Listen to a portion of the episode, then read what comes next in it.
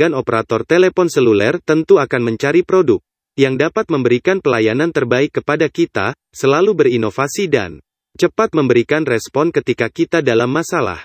Dalam hal inovasi teknologi, pada pelayanan gangguan, tentu kita sepakat mengakui bahwa Telkomsel lah yang dapat memberikan layanan terbaik dan tercepat melalui tanya Veronica.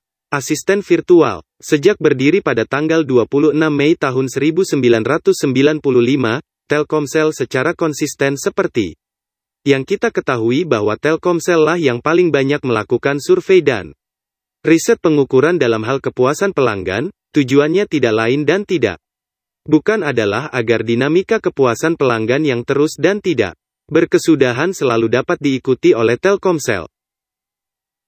Sesuai dengan slogannya, begitu dekat begitu nyata, so close so real.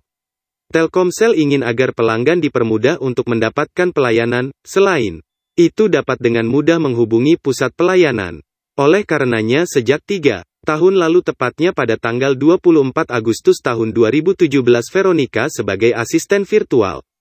Telkomsel mulai melayani pelanggan. Tanya Veronica asisten virtual. Tanya Veronica asisten virtual adalah seorang asisten virtual yang diberi tugas oleh sistem untuk membantu pelanggan mengecek sisa kuota, menukar Telkomsel Point, menemukan lokasi Grapari terdekat, membeli paket, dan informasi lain seputar layanan dan produk dari Telkomsel.